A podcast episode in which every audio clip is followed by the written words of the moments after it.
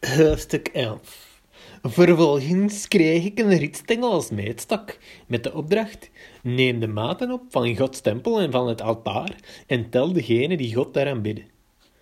De voorhof, buiten de tempel, moet je overslaan. Meet die niet op, want hij is bestemd voor de heidenen, die de heilige stad 42 maanden zullen vertrappen. 42 maanden lang zullen vertrappen. Ik zal mijn twee getuigen opdracht geven om te profiteren. Gedurende 1260 dagen zullen ze dat doen, gehuld in een boetekleed. Zij zijn de twee olijfbomen en de twee lampenstandaards die voor de Heer van de wereld staan. Als iemand hen kwaad wil doen, komt er vuur uit hun mond, dat hun vijanden verteert. Op die manier zal iedereen die hun kwaad wil doen, moeten sterven. Zij hebben de macht om de hemel te sluiten, zodat er geen regen valt, zolang zij profiteren.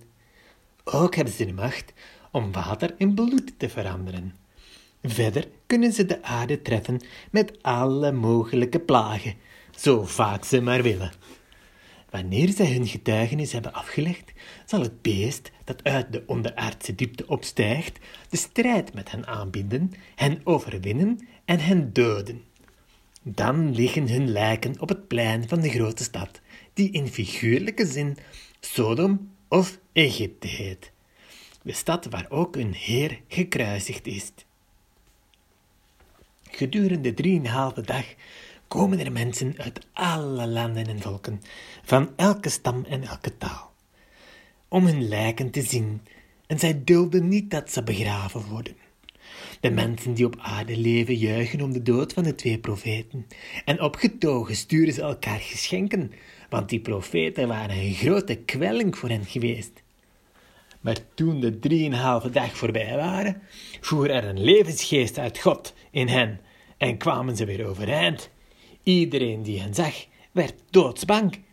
Er klonk een luide stem uit de hemel, die tegen hen zei: Kom hier boven.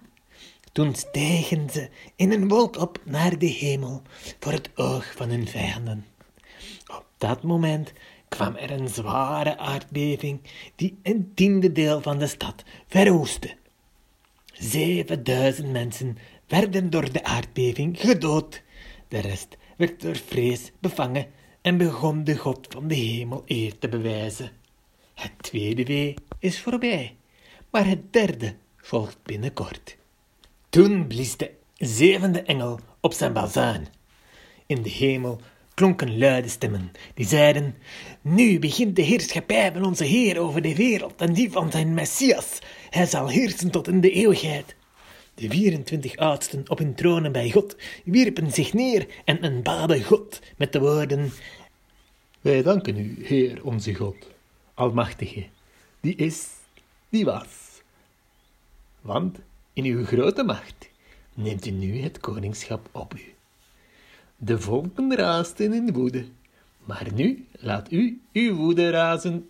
De tijd is gekomen om een oordeel te vellen over de doden en om uw dienaren, de profeten, te belonen, evenals de heiligen en degenen die jong en oud ontzag hebben voor uw naam, en ook om hen die de aarde vernietigen, nu zelf te vernietigen. Toen ging Gods tempel in de hemel open en verscheen daar de ark van het verbond. Er volgden bliksemschichten, een grote raas donderslagen, een aardbeving en zware hagel.